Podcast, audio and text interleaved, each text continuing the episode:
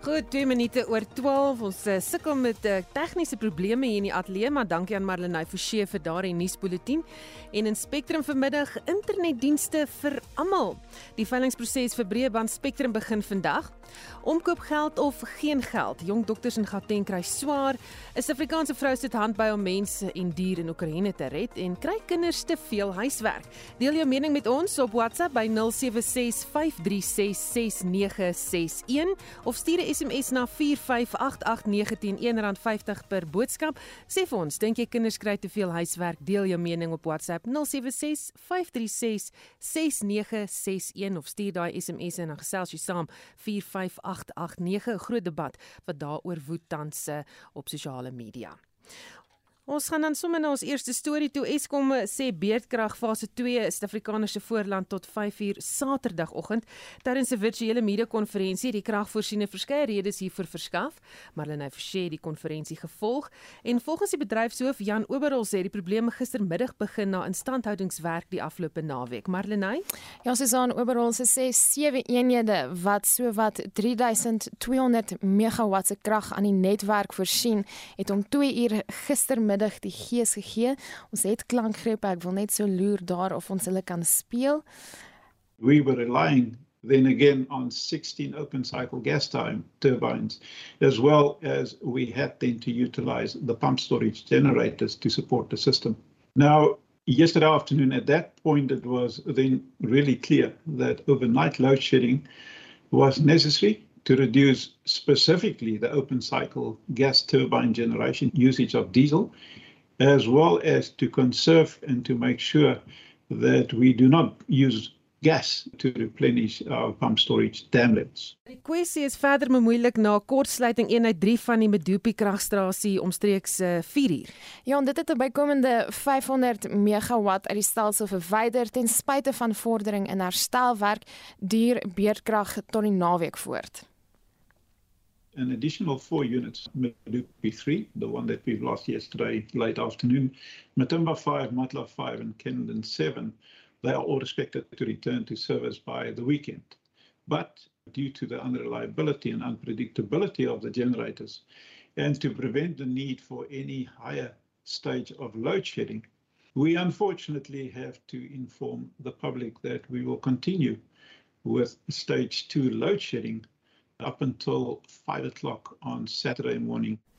Nou die projekdirekteur by Medupi, Philip Dukash, sê een van die redes hoekom beerdkrag noodsaaklik is, is die brose aard van die kragnetwerk.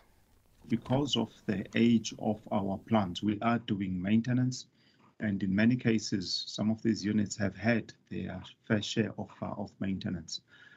At this stage we not really succeeded in predicting and in working on all the components that need to be worked on. So we are catching up on some of the maintenance. We've had some success in that, but some of these failures are coming from areas that have not been worked on. Hy sê nog 'n reuse uitdaging is die groot agterstand in onderhoud.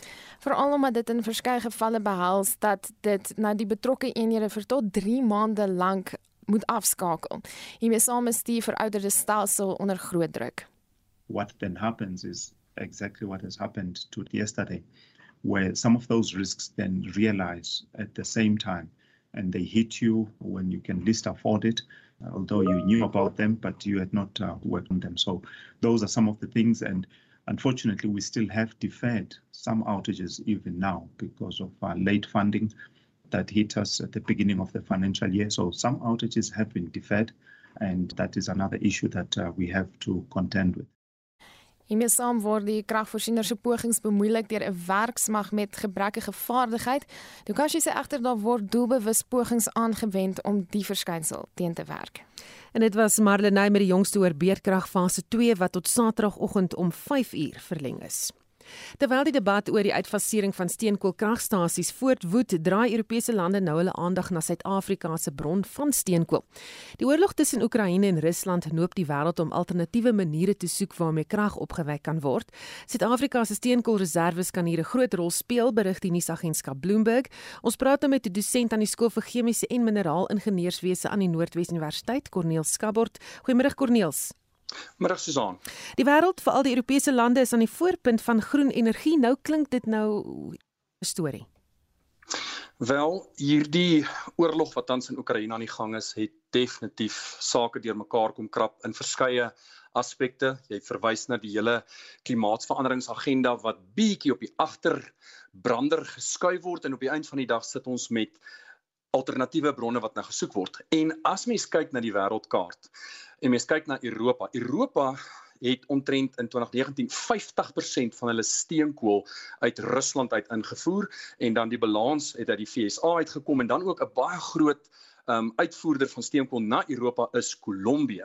Maar wat nou gebeur is, daar is soveel instellings in Europa wat bloot net sê ons wil niks met Rusland te doen hê nie. Ons wil nie hulle steenkool hê nie en gevolglik word hulle nou na ander markte. Nou Suid-Afrika, ons voer hoofsaaklik ons steenkool uit na die ooste toe, hoofsaaklik Indië. As mens vat in 2020, 2021 is daar 59 miljoen ton steenkool uitgevoer vanaf Richards Bay.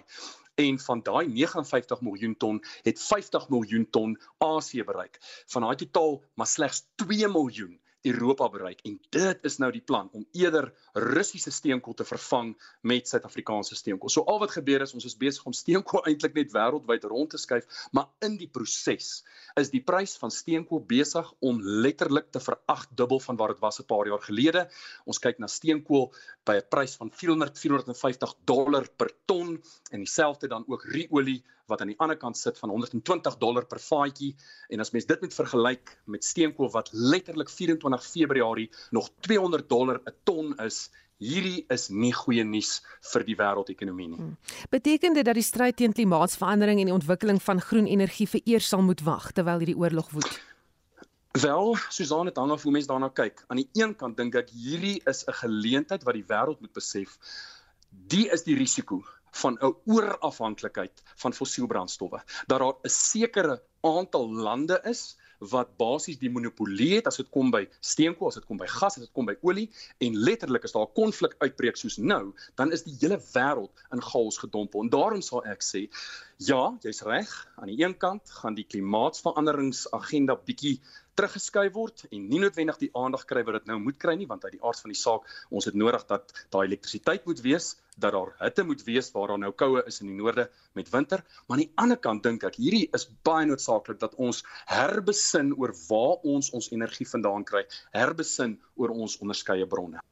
Baie dankie dit was 'n dosent aan die skool vir chemiese en mineraal ingenieurswese aan die Noordwes Universiteit Corneel Skambort Groen korridors en humanitêre krisis. Dit is van die gonswoorde in die konflik tussen Oekraïne en Rusland vandag. Dit nadat Rusland 'n skiet- en wapenstilstand in Oekraïne aangekondig het en Joan Marie hou vir ons sake daarop. Die skietstilstand het om 10:00 vanoggend begin, maar die bombardering van sleutelstede duur voort. Dit sluit Kiev, Mariupol, Sumy en Kharkiv in. Sedert die begin van die konflik het daar al sowat 1,7 miljoen mense uit Oekraïne gevlug. Die VN berig dat meer as 1200 200 mense al dood is, maar voeg by die getal is waarskynlik veel hoër. Hier is wat Rusland se minister van verdediging Igor Konashenkov oor die korridors gesê het. Six humanitarian corridors have been opened from Mariupol. Detailed information about these routes were given well in advance to the OSCE, the Red Cross, and to the Ukrainians. Russian forces will be monitoring them 24 7. Nou Oekraïne se president Volodymyr Zelensky sê die sogenaamde groen korridors is 'n klug. Maar as mense op sosiale media gaan kyk onder die hitse War in Ukraine, Ukraine and Ukraine Russia War, is daar video's en beelde van die eerste groepe men mense wat wel vanoggend reeds per bus uit stede soos Irpin en Sumy vervoer is. En ons weet nie presies waarheen nie, maar dit is aan die gang. Daar was ook berigte dat 'n brand by die olieaanleg in Zhytomyr in Chernihiv of ek gaan daai weer probeer in Chernakiv uh uitgebrand het, maar dit uh uitgebreek het, maar dit is uh wel geblus. Van die ander hooftrekke lui byvoorbeeld die die Kiev Independent berig dat 12000 Russiese troepe al gesneuwel het en meer as 1000 Russiese gepantserde weermagvoertuie of uh, vernietig of op beslag gelê is. En die wêreldsokkerbeheerliggaam FIFA gaan ook 'n spesiale oordragsvenster vir buitelandse spelers in Rusland wat in Rusland gestrand is oopmaak. Intussen het Zelensky ook uitgevaar oor westerse sanksies teen Rusland. Dis reg, hy sê dis nie genoeg nie en vra dat NAVO 'n dringende vliegspergebied oor Oekraïne instel. The audacity of the aggressor is a clear signal to the West that sanctions against Russia are not enough because they didn't understand, did not feel, they did not see that the world is really determined, really determined to stop this war. You will not hide from this reality. You will not hide from new murders in Ukraine. Dan word die Russe in Rusland wat betoog teen die inval steeds in hegtenis geneem, dit midde wêreldwye betogings wat vra dat Rusland onvoorwaardelik uit Oekraïne onttrek. Sommige betogers is ook gegrief oor NAVO se besluit om nie die vliegverbod oor Oekraïne toe te staan nie. Hier is van die klank van betogings in stede soos Londen, New York en Mexico stad. Ladies and gentlemen, we are playing for peace. Stand with Ukraine! Stand with Ukraine! No fly zone! No fly zone! We ask you to support us so that they stop killing us. Ukrainians are being killed. They are not only killing soldiers, they're killing all Ukrainian civilians. Die laaste stem daar, die van 'n Oekraïense burger wat in Mexiko woonagtig is. Nou ondanks die skietstilstand berig die BBC dat die bestoking van Oekraïne se hoofstad Kiev mense reeds of steeds ondergronds dwing. Die situasie op grondvlak is chaoties, maar ondergronds hou die vlugtelinge mekaar hoopvol. 'n Video van 'n Oekraïense meisie wat die bekende Disney liedjie Let It Go van die fliek Frozen, né? Nee? Mm -hmm. um, uh, is al miljoene keer op sosiale media gedeel. Ons weet nie presies waar sy haarself nou bevind nie, maar hier is haar stemmetjie soos opgeneem in 'n ondergrondse skuilings in Kiev. Навечно отпусти и забудь, что прошло уже не вернуть. Отпусти и забудь, новый день он кажет путь. Браво, браво, умница. Умница. En daai video ook oral uh, te sien, uh, Jamrik sien jy sit hier so jou wil wil met transport dis baie mooi. Ek wil net sê bravo ook. Want jy sien in die, ook in hierdie video hoe die uh, sy staan en almal in hierdie ondergrondse bunker staan en luister vir haar neem video. So dit is die situasie, daar's nog ons aangrypend. Jamrik wat vir ons die hoofgebeure oor die voorslepende konflik tussen Rusland en Oekraïne beskryf. Nou so wat 25 vroue in Oostenryk skenk hulle tyd en geld in 'n poging om mense en diere uit die oorlog getuisterde Oekraïne te red. Een van die vroue is Afrikaansgebore Westerberg wat die afgelope 19 jaar buite Wene in Oostenryk woon. Sy en die vroue het verlede maandag die organisasie We Drive for Pets and Humans in Ukraine op die been gebring en blitsvinnig al die dokumentasie in plek gekry en ons praat nou met Hester vanuit Oostenryk. Goeiemôre Hester. Hallo Esther. Ag Esther. Hallo Susan. Ek wou net sê Esther, dis jy. nee, spot. Ehm um, ek neem aan dis nogal 'n chaotiese situasie soos jy uh, jy weet dit dinge gaan vinnig daar dit gaan blitsvinnig ja. En ehm um, uh niks is moontlik met een persoon nie en ons het binne 3 dae het ons die groepie bymekaar gekry. Ons het geweldig baie ehm um, donasies gekry. Ons het help gekry. Ons het ehm um, vertalers gekry. Ons het verpleegsters gekry wat ons mediese produkte moet check anders kan ons nie met hulle ry nie. Dit was dit was net fantasties. Ek het oral op Facebook gepost en ons het al die help gekry wat ons nou het om vorentoe te gaan Sê vir my, uh, julle neem uh, hoeveel mense en diere is nou al tot veiligheid gebring? Nie baie nie, dit was ons eerste tripie um nou verlede naweek. Um toe het het ons 5 mense, dit was twee vrouens en 'n paartjie met 'n babatjie, 'n 3-jarige kind, 'n kind wat teruggekom het en ons het 10 diere ge, um teruggebring.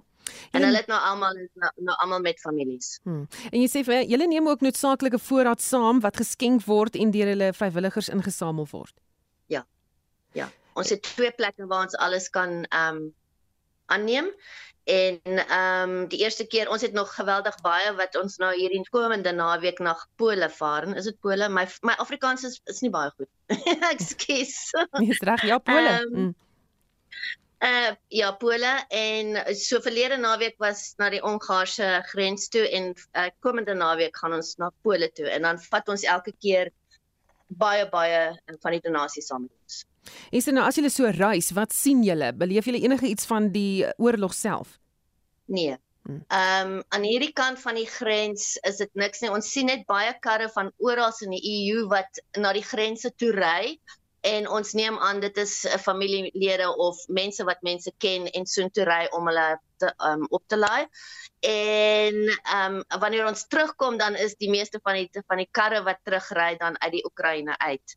Maar daar's baie mense wat nie moontlikheid het daarvoor nie dan word hulle met busse na die na die grense toe gestuur ehm um, gery en dan moet hulle oorstap en dan haal ons hulle van die ander kant. En hoekom het julle die organisasie begin? Is daar nie organisasies of strukture wat mense kan help en selfs die diere nie? Daar is, daar is groot organisasies. Van ons kant af en wat ek ook al ervaar het is dat ek het ehm um, die naweek voor die tyd het ek vir my man gesê ek gaan nie net sit hier nie, ek gaan iets doen.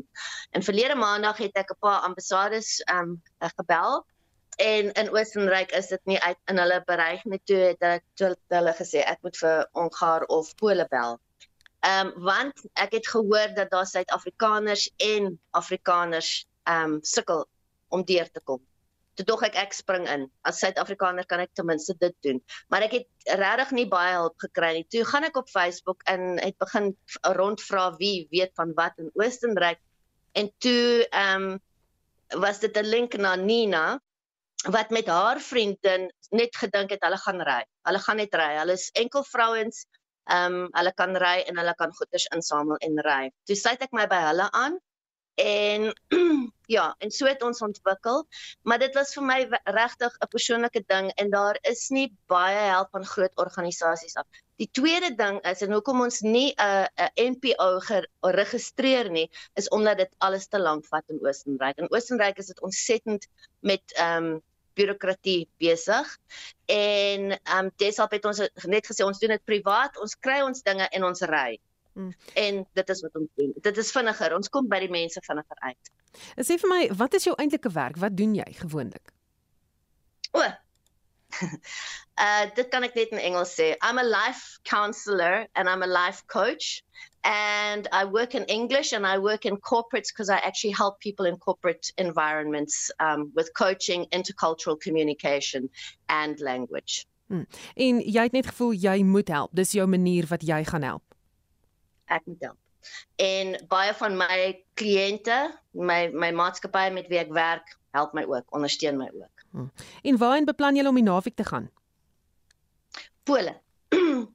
Ehm um, die grenspos is ons nog nie duidelik nie, maar ons ons ry deur Oostenryk, ehm um, die Tsjechiese uh, Republiek en dan na die Polisie, Polen, Polish grens. Daar sê baie dankie. Ons gepraat met Esther Berg, een van die vroue in Oostenryk wat die organisasie We Drive for Pets and Humans in Ukraine begin het om mense en uh, diere uit Oekraïne te red. Sy is oorspronklik van Suid-Afrika, soos jy kan hoor, praat sy Afrikaans en uh, sy het met ons 'n bietjie gesels oor wat hulle alles daar doen. Nou ander nuus, ouers begin al harder mor en kla oor die hoeveelheid huiswerk wat hulle kinders elke middag moet doen. Ouers kla dat hulle nie minder nie as 2 ure per dag spandeer aan huiswerk vir 'n graad eentjie, dit bo op die kind se gewone skooldag. Ons praat nou met die uitvoerende hoof van Vetsans Jaco Dink in die oor. Goeiemôre Jaco. Goeiemôre. Het jy 'n soortgelyke klagtes begin ontvang? Ja, kyk, daar's al lank gemôre ek self 'n ouer so in my eie huis belief vir dit. maar ek dink daar's al vir 'n geruime tyd. Dis daar bekommernis oor hoeveel uit huiswerk wat kinders kry vir al die laer grade, net. Die kinders ouer word, is daar groter verantwoordelikheid om dit te doen. Jong maar kleintjies behoort dan om nie 2 ure 'n dag huiswerk te doen nie, want dit is klaar 'n lang dag by die skool gewees. Ek kon julle agterkom of daar abnormale hoeveelheid huiswerk aan kinders gegee word eh, of daar een van 'n spesifieke rede is vir meer tuiswerk? Ons is aan dit almal grootendeels af van dit wat by die skool self gebeur en wie se opvoeder. So die uitdaging is dat jou skoolhoof en die die fase hoof behoort eintlik die akademiese leier te wees wat weet wat is goed vir die kinders en wat is regtig doenbaar en wat se werkies is eintlik goedjies wat ons in die klas behoort af te handel. Jy moet weet 'n paar maande het klaar voldag gewerk het en die kinders laat middag kry en dan eers met huiswerk begin dan staan dan 'n bitter lang dag vir die kinders. En van die navorsing sê Suid-Afrika se skooldag is reeds te lank en as ons dit verder rek met 'n klomp huiswerk, dan raak dit weer teenproduktief. En gaan julle probeer uitvind wat aangaan? Ons is deel van gesprekke by die nasionale departement veral oor assessering. So hierdie gesprek oor huiswerk duik ook daarop. Maar ek moet sê as 'n beheerliggaam organisasie het ons 'n bietjie ander rol om te vervul as die vakkundiges binne.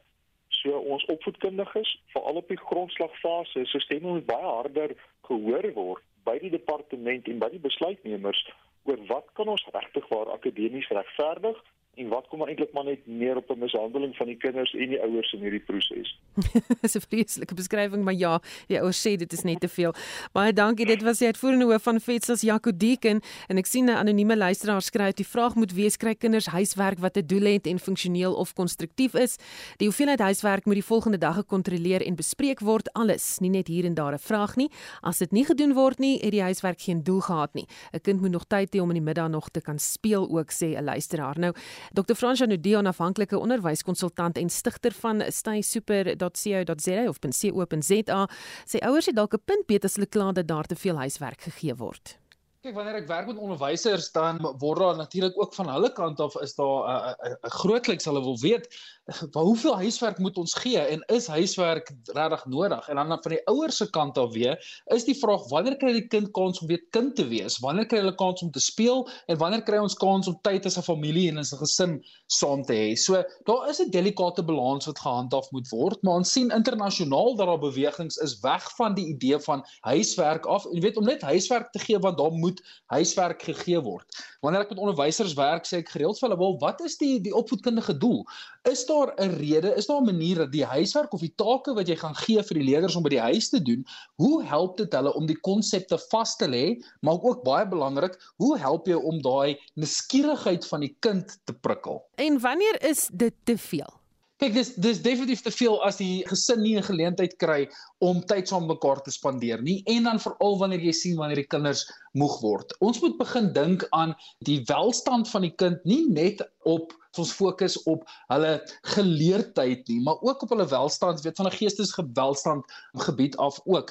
Daai tyd saam met die gesin is verskriklik belangrik en as jy as mamma die heeltyd met die kind moet sit by die huis en huiswerk doen, wanneer kry jy kans om net daai tyd van jy weet ma wees en weet kind wees te geniet? Kom ons kyk net dalk na die konsep van huiswerk. Wat is die doel daarvan?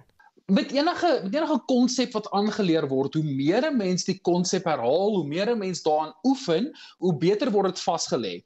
Maar die vraag is hoeveel van die huiswerk wat gegee word is net eenvoudig om die kurrikulum se standaarde aan te voldoen. Nou gee ons huiswerk oefeninge net sodat ons kan seker maak dat ons kan sê van onderwysers se oogpunt af ons het die volgende in die kurrikulum behandel. Maar is die werk wat ons vir leerders gee om by die huis te gaan doen ter ondersteuning van wat hulle nodig het om te leer of dan nie. Soms gee ons net weet noodloos huiswerk en ons dink nie regtig daaraan nie. O, kinders moet huiswerk hê. Kom ons gee nou net vir hulle huiswerk. Op die einde van die dag moet dit die leerproses ondersteun. Maar watse raad het jy aan beide hierdie kante van die saak oor hierdie kwessie?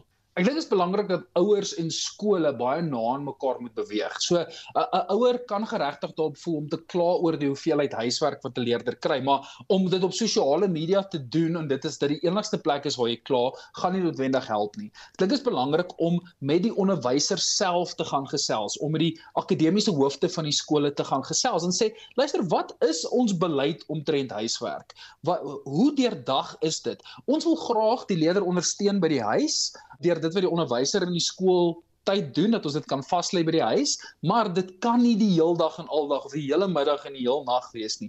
Kom ons kyk of ons daai goue medium kan bereik. En as die ouers en die onderwysers met mekaar meer gereeld gesels, dink ek sal ons by 'n goue middeweg kan uitkom. En dit was eh, Dr. Frans Janudee, 'n afhanklike onderwyskonsultant en stigter van staysuper.co.za. Onthou jy kan nog saamgesels oor dink jy kinders kry te veel huiswerk, dalk dink jy hulle kry te min huiswerk. Uh, deel jou mening by, met ons op WhatsApp by 0765366961. Dis 0765366961. Sê vir ons wat dink jy van die huiswerk kwessie?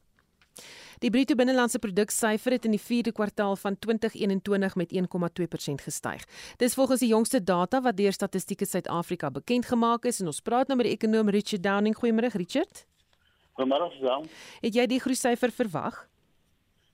Uh tot 'n mate so, ek meen ek ek is net 'n bietjie gepla met die met die konsep van groei op dat ons op die oomblik het want groei beteken jy gaan vooruit en eintlik wat ons op die oomblik mee wat ons sien in terme van die syfers is eintlik maar ons uh, ons ons ons is eintlik besig om te herwin wat ons verloor het in terme van 2 jaar. En ek dink dit is wat ons sien want as 'n mens gaan kyk na jou Britse binnelandse produk het stap geneem eintlik en 2020 met 6,4% en dan het hy nou gestyg in 2021 met 4.9. Met ander woorde, ons is nog nie by die 2019 syfers waar ons was. En dit is eintlik waarmee ons worstel op die oomblik. Ek dink Ja. Die goeie proses aan gekry wat baie konsekwensies het natuurlik vir werkloosheid en so aan, maar 4.9% is wat op die oomblik jaar op jaar soort van geregistreer is, die herstel eintlik so ek sê van waar ons was in terme van die ekonomie, maar nog nie heeltemal terug waar ons wil wees nie. En dan die impak van die oorlog in Oekraïne is, gaan ons dit of in in die Oekraïne of in Oekraïne gaan ons dit nou sien, sien ons dit nou, gaan ons dit dalk later sien. Nou ons net ons van ons sal seker goed begin duidelik duidelik word en dadelik sien as byvoorbeeld die brandstofprys weet ons waar waar hierdie olieprys trek hier by 100 en, uh, 130 dollar per vat en so en dan sak hy bietjie terug. Sommige mense spekuleer selfs na 200 dollar per vat toe wat katastrofies sal wees eintlik vir vir prysvorming in die hele wêreld en inflasie en rentekoerse wat uh, wat eintlik uh, sal deurwerk terug na ekonomiese groei toe en hierdie syfers van ons baie goed sal uitlyk. So ek meen wat ons te doen het is eintlik hierso uh, amper iets soos hierdie inperking op die ekonomie wat tot 'n sekere mate nou net as daai twee lande die aanval van Rusland in Oekraïne uh gevolge het vir vir Europa in terme van brandstofpryse en so aan, maar ook in terme van internasionale handel. Ek meen julle het nou gepraat met oor die steenkoolhandel byvoorbeeld, uitvoere, invoere, die logistiek van alles. So dit is daar sekere voordele wat 'n ou kan trek as jy 'n bietjie opportunisties is in hierdie situasie. Want ons weet aan sanksie tydperke is daar altyd iemand wat probeer 'n paar rand maak uit die situasie uit. Ja. En uh so daar daar is dalk voordele voordele, maar daar is nie noodwendig standhoudende voordele vir jou ekonomie nie. Baie dankie, dit was die ekonom Richard Downing. Die minister van vervoer, Fikile Mbalula, moes gister deur die polisie begelei word terwyl 'n besoek aan 'n rybewys toetsentrum in Pretoria. 'n Groep woedende bestuurskool-eienaars het die sentrum beset en eis dat die huidige aanlyn stelsel vir aansoeke geskraap word. Maar hulle het verseker berig die betogers was so kwaad dat Mbalula vir 'n wyle in die gebou vasgekeer was. Ontevrede bestuurskool eienaars sê hulle die Acacia toetsentrum gesluit omdat die aanlyn stelsel wat gebruik word veroorsaak dat hulle klante verloor. Paul Minnar, 'n vragmotorbestuurder, is een van die wat nou al 'n geruime tyd lank sukkel met sy aansoek. Ek het aansoek gedoen vir my PDP hernuwing die 25ste Januarie. En 2 weke terug het ek gebel en ek kon geen antwoord uit hulle kry nie. Ek het van maandag, woensdag, donderdag en laasweek maandag, woensdag en donderdag neergery Akasia toe en ek kon geen antwoord kry want hulle was toe. Die betogers sê veral senior burgers word benadeel omdat hulle nie die tegnologie verstaan nie.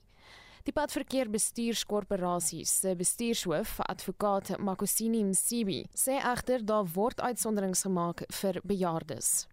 All senior citizens just walk to our DMTC they don't do anything and they are assisted. Mbalula het die woedende skare toegespreek en gesê hy is oop vir samesprekings oor die kwessie. Hy het egter beklemtoon dat wetteloosheid nie geduld sal word nie.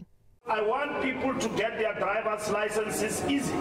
Simple as that. If that is their concern. But they can't say we have a concern and therefore you must scrap. No, who are they? We most going to run this country. We're going to subject ourselves to lawlessness and anarchy. Hy het verder gesê hy gaan die minister van polisie Bekkie Cele vra om personeel by ander toetssentrums in Gauteng te ontplooi. Die verslag is saamgestel met die hulp van Bianca Olifant van die SAK TV nuusredaksie. Ek nou vir sy vir SAK nuus. Ons bly by die kwessie en vir haar mening praat ons nou met Stefanie Fik by ons uh, sy is die organisasie teen belastingmisbruik Alta se uitvoerende hoof vir aanspreeklikheid. Goeiemôre Stefanie. Goeiemiddag. Kan bestuurders en eienaars van bestuurskole se reaksie op die toestand of die stand van sake geregverdig word? Ek dink ehm um, ek wil amper sê kom ons kom ons antwoord nie daardie vraag nie. Kom ons uh, vra of die minister hulle geken het in in in hierdie proses. Want ek dink wat mense baie sien is irrelevant of jy 'n punt het of nie, is dat die minister en uh, uh, baie van die ministers in die regering regtig um, um, in, om om na die publiek te gaan en hulle opinie te hoor. Dis nie net 'n tickbox nie. Gaan luister na wat die probleme is want ek as as ek hulle probleme reg verstaan en daarmee stem ek saam, is daar nou geld van hulle af weggevat. En elkeen dit ek dink ons sukkel alreeds in in in in, in hierdie land om ehm um, ehm um, dit om met werkloosheid ensovoorts ensovoorts. En as mens nou regtig gaan dink aan ehm um, die die ehm um, agentskap wat nou dit beskikbaar gestel het dat mense dit um, via die internet kan doen. Dit kos ons geld. Dit kos elke liewe motoris wat 'n afspraak wil ma maak 'n geldjie en dit kos 'n geldjie om hierdie te hernie en 'n geldjie om daar te hernie. As mens nou mooi daaraan gedink, hoekom moet 'n motoris geld betaal om 'n proses um deur te gaan wat deur die regering gebied word. Dis 'n proses wat deur die regering daar gestel word. Dis die regering wat dit vir terwyl COVID aan die gang was onmoontlik gemaak is om om jou lisensie te hernie as gevolg van administratiewe probleme aan hulle kant. Ehm um, word net teruggegooi na motoriste om te sukkel om en dit was vir my baie snaaks hmm. om te hoor dat ons gaan nie lawlessness ehm um, dalk nie. Julle maak dit moontlik vir mense om nou nie lisensies te kan hernie.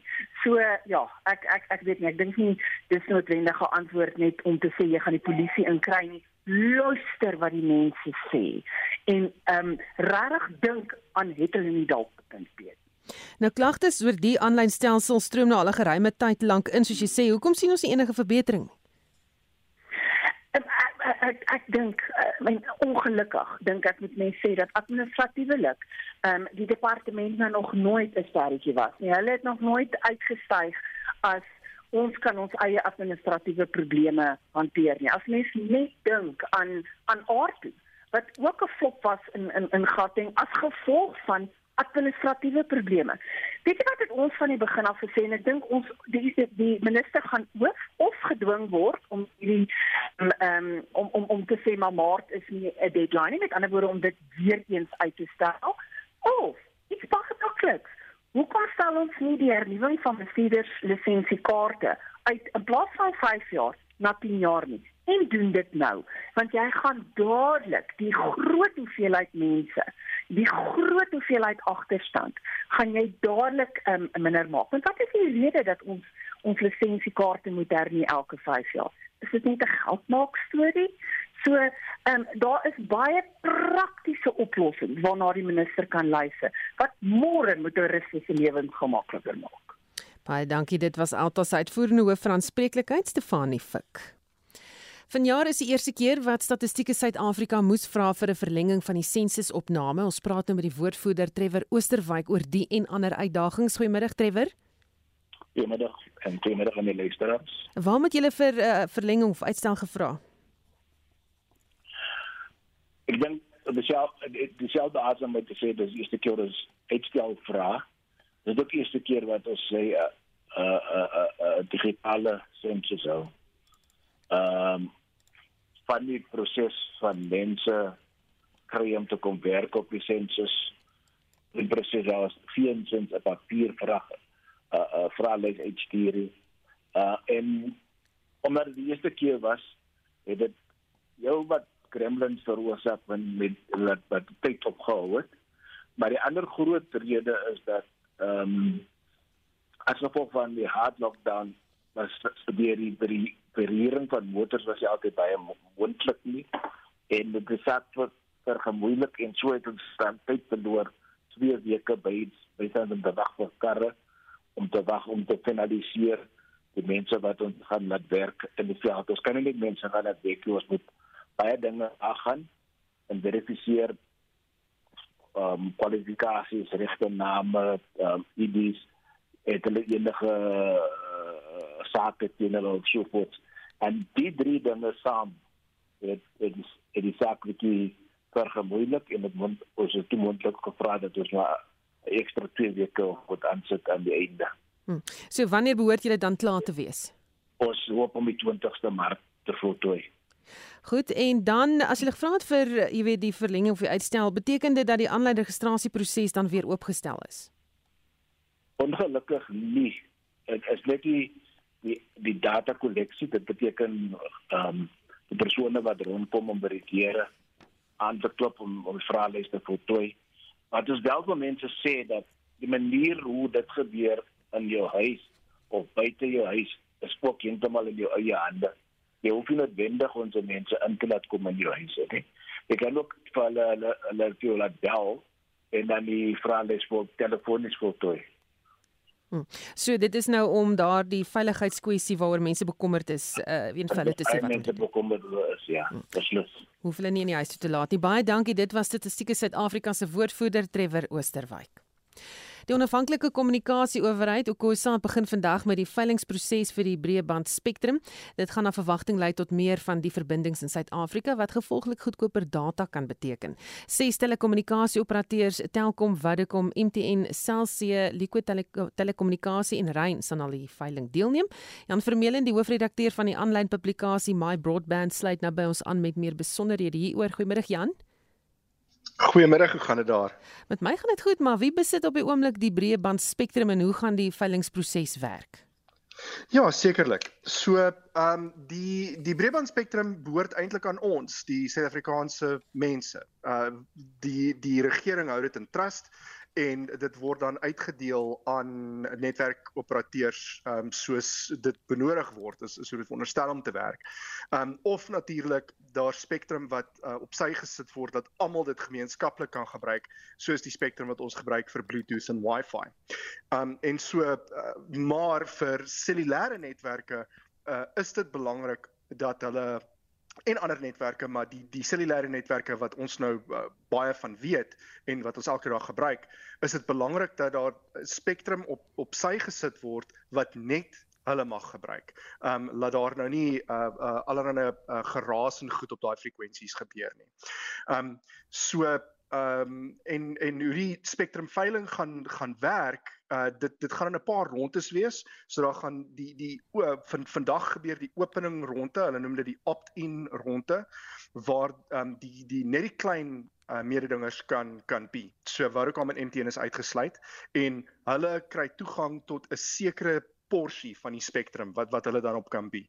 En dan uh van die 10de af, dis nou donderdag, dan gaan ons na die na die hooffase van die van die veiling toe en dan mag Vodacom en MTN deelneem en uh, en dan uh, word die res daarvan uh, nou opgebie en die die uh, die die speler wat die hoogste hoeveelheid geld bi op 'n lot spektrum kry dit. Dis is maar um, uh, die die basiese prinsip van hoe dit gaan werk. En hoe gaan die verbruiker bevoordeel word? So uh, die die netwerke beloof al lank dat ehm um, as daar meer spektrum beskikbaar gemaak gaan word dat die pryse gaan kan afkom dat uh, die die dekking van hulle netwerke gaan verbeter en dat die netwerkdiens self gaan verbeter. So dis uiteindelik hoe hoe ons as eindgebruiker ehm um, gaan gaan voordeel daaruit trek is laer pryse, die pryse moet afkom. Uh dis wat hulle beloof het, dit is hoe hulle gemeet gaan word. Um, beter dienste en beter dekking. Baie dankie, dit was Jan Vermeulen, die hoofredakteur van die aanlyn publikasie My Broadband. Beweringe doen hier rondte dat die Gautengse departement van gesondheid omkoopgeld ontvang om dokters by hospitale van hulle keuse te plaas. Dit het in lig gekom nadat dokters in Gauteng vir 'n tweede maand nie betaal is nie. Estie de Klerk het meer besonderhede. Die plasing van nuwe dokters by staatshospitale in provinsies is 'n probleem wat elke jaar opduik. En die probleem blyk meer prominent te wees in Gauteng, sê die Gautengse voorsitter van die Suid-Afrikaanse Mediese Vereniging, Dr. Mark Human. Every year we have the same scramble at the last minute to allocate interns into posts. I'm not sure why that should be the case. Practically, once you've got to third year, the class number stays almost constant across the board. In theory, these people should have about four years to plan, give or take uh, about a 1% variance. It's ludicrous that we don't have the right allocations, that we don't have the right pathways, and that we don't start allocating interns to the selection process as early as June or July. Every November, end of November, there are a whole bunch of interns that suddenly don't have posts. Die provinsiale departement van gesondheid sê in 'n verklaring dat die provinsie 429 posisies het vir nuwe dokters wat aangestel word, maar die nasionale departement het vanjaar 203 meer dokters in Gauteng aangestel. Altesaam 56 nuwe dokters is aan die einde van Januarie en Februarie nie deur die departement betaal nie. Die departement sê die aantal ekstra dokters wat aangestel is, het veroorsaak dat die Gautengse departement eers ekstra befondsing moes bekom om die dokters te betaal. Die departement het bevestig 53 van die 56 dokters is teen gister betaal. Maar Dr. Human sê hoewel Sama nie van jare met die Gautengse departement oor die betaling van nuwe dokters gepraat het nie, het hy dieselfde gesprek hieroor vir 3 agtereenvolgende jare met die departement gehad. This is a recurring problem. Gauteng Health attempts to explain this by uh, alleging that the national intern number is allocated by National Department of Health, but that the budgetary allocation comes from Gauteng province And I'm not sure why Gauteng Health seems to think it's unique to them because we have had it in other provinces, although as far as I'm aware, never in the Western Cape. They seem to have their house in order. Hy sê die Gautengse departement van gesondheid is onbevoeg en nie oop om na voorstelle te luister nie. It is our opinion at SAMA that the Gauteng Department of Health severely lacks capacity and competence at most levels and on most tests that you can score them. And I know this will probably create animosity, but the problem is that our numerous attempts to reach out to them are mostly met with not even so much as a reply. It is very difficult to try and help being part of the solution when your voice is not even heard. Die plasing van nuwe dokters by hospitale bly egter steeds 'n tamaletjie. Dokters met 'n lys van 5 keuses in hulle gemeenskapsdiensjaar indien oor waar hulle geplaas wil word. Maar dokter Iman sê daar is geen waarborg dat dokters by hulle keuses geplaas sal word nie. Hy sê niemand behalwe die departement weet watter kriteria gebruik word vir die plasings nie. No one from any of our provincial departments of health or the national who apparently does the allocations is able to give us transparent rationale as to how they choose who goes where. You don't want to be relocating people away from their homes where that's possible, but obviously some people have to go to the more rural areas. There would appear to be zero emphasis on competence or achievement. I have numerous examples of doctors who finished top of their class and landed up by Christmas. So, in other words, five days to go, still did not have internship placement posts. Dr. Iman sê wat egter kommerwekkend is, is dat daar beweer word 'n amptenaar van die Gautengse departement van gesondheid het omkoopgeld aanvaar om dokters by hospitale van hulle keuse te plaas. I've had personally a phone call with a doctor recently who alleges that she's well aware as are a number of her colleagues that someone in the Gauteng provincial health who had accepted a 50,000 Rand bribe, and suddenly the person who hadn't been placed got exactly where they wanted to go. Now, that's a verbal confirmation. And she mentioned the person's first name. I do not have a surname.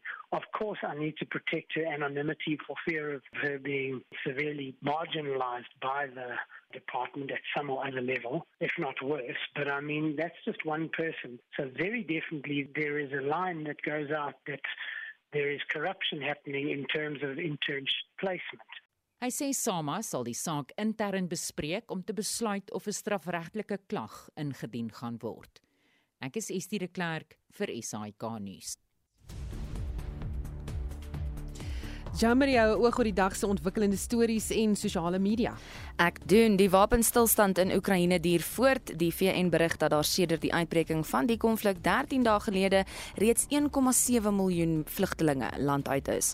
Rusland se minister van verdediging sê die groen deurgangsroetes sal deurlopend gemonitor word. Six humanitarian corridors have been opened from Mariupol. Detailed information about these routes were given well in advance to the OSCE, the Red Cross, and to the Ukrainians. Russian forces will be monitoring them 24 7. Intussen sê die WGO dat aanvalle op hospitale, ambulanse en ander gesondheidsgeriewe skerp toeneem en belangrike mediese voorrade is bykans uitgeput. Gaan kyk gerus op sosiale media onder die houtsmerke War in Ukraine, Ukraine en Ukraine Russian War vir 'n idee oor wat daar gebeur. Terug op eie bodem het Statistiek Suid-Afrika vandag bekend gemaak dat die bruto binnelandse produk vir 2021 die beste groei in meer as 15 jaar getoon het. Dit het met 4,9 persentasiepunte gegroei, wat meer is as die internasionale monetêre fonds se verwagting van 4,6%. Sibanye Stillwater waarsku dat 'n staking die volhoubaarheid van die maatskappy se goudmyne in gevaar kan stel. Die vakbonde AMKU en die NUM het kennis gegee dat hulle beplan om môre 'n salarisverhogings staking te hou. In ander nuus sê Dr. François Nudee, 'n onafhanklike onderwyskonsultant, dat ouers se klagtes oor te veel huiswerk nie ongegrond is nie ons moet begin dink aan die welstand van die kind nie net op ons fokus op hulle geleerdheid nie, maar ook op hulle welstand, weet van 'n geestesgewelstand gebied af ook. Daai tyd saam met die gesin is verskriklik belangrik en as jy as mamma die heeltyd met die kind moet sit by die huis en huiswerk doen, wanneer kry jy kans om net daai tyd van weet ma wees en weet kind wees te geniet? Nou by WhatsApp lyn stem baie ouers saam, hulle kinders se huiswerk is net eenvoudig te veel, maar Barry verskil egter van mening. Ek is 78 jaar oud. Ons het ver geloop om 'n bus te kry om by skool uit te kom. So teruggekom het ons ons huiswerk doen. Ons klaar moes ons nog tuin maak en al daai dinge beeste melk. Nou, dit was dit te veel vir ons, you know, wat wat sou fout met die kindertjies van vandag? Nou ja, môreoggend in Monitor bespreek ons die saak verder. So gemaak gerus 'n draai op Facebook as jy deur die loop van die middag nog 'n bietjie saam daaroor wil praat. En op sosiale media, terug op sosiale media, die hitsmerk Eskom is al duisende keer gedeel. Verbruikers gaan tans gebuk onder fase 2 beerdkrag. Eskom sê vordering word gemaak met herstelwerk aan die opwekkingseenhede by Medupi, maar beerdkrag sal nou tot 5uur Saterdagoggend voortduur en nie net tot môre soos voorheen aangedui nie. En dit was Jamari met 'n nuusoorseig. Ja, ek sien 'n klomp mense gesels flik saam oor hierdie huiswerk kwessie. Iemand wat skryf die kinders se huiswerk is so baie, daar's aande wat ons 10 uur gaan slaap. Ons kry nie eens kans om lekker te gesels oor hoe haar dag by die skool was nie. Ek het al vir 'n onderwyser gevra, kan ons nie miskien ons kinders oor die naweek help nie? En hoe maak ouers wat glad nie van die werk verstaan nie? Nog iemand wat sê ons het 'n uitstekende juffrou, maar standaarde van kurrikulums is net te hoog. Ek het 'n tydlimiet gestel en as my kinders nie alles klaar het nie, is dit nou maar so. Ons werk 2 na 2 halfuur in die middag. Hulle kom eers 0.30 tuis. Ek wonder regtig hoe ouers wat heeldag werk regkom. As ek dink om uh, dis nou eers van van sien maar half 8 tot 8 uur het hulle gespeel en in laerskool vaslegging is belangrik maar wat die kurrikulum verwag is net te veel. Nog iemand wat sê dat huiswerk is goed vir as hulle vir alles hulle die werk wat behandel word weer kan deurgaan om seker te maak hulle verstaan alles. Hulle kan uh, gerus meer toespits op spelling en die numeriese tafels van 1 tot 12. Dis nou van jou terugvoer, jy kan nog vir ons WhatsApp stemnota stuur na 0765366961 gesels môreoggend op monitor ook saam. daarmee groet die Spectrum span. My naam is Susan Paxton bly ingeskakel vir 360.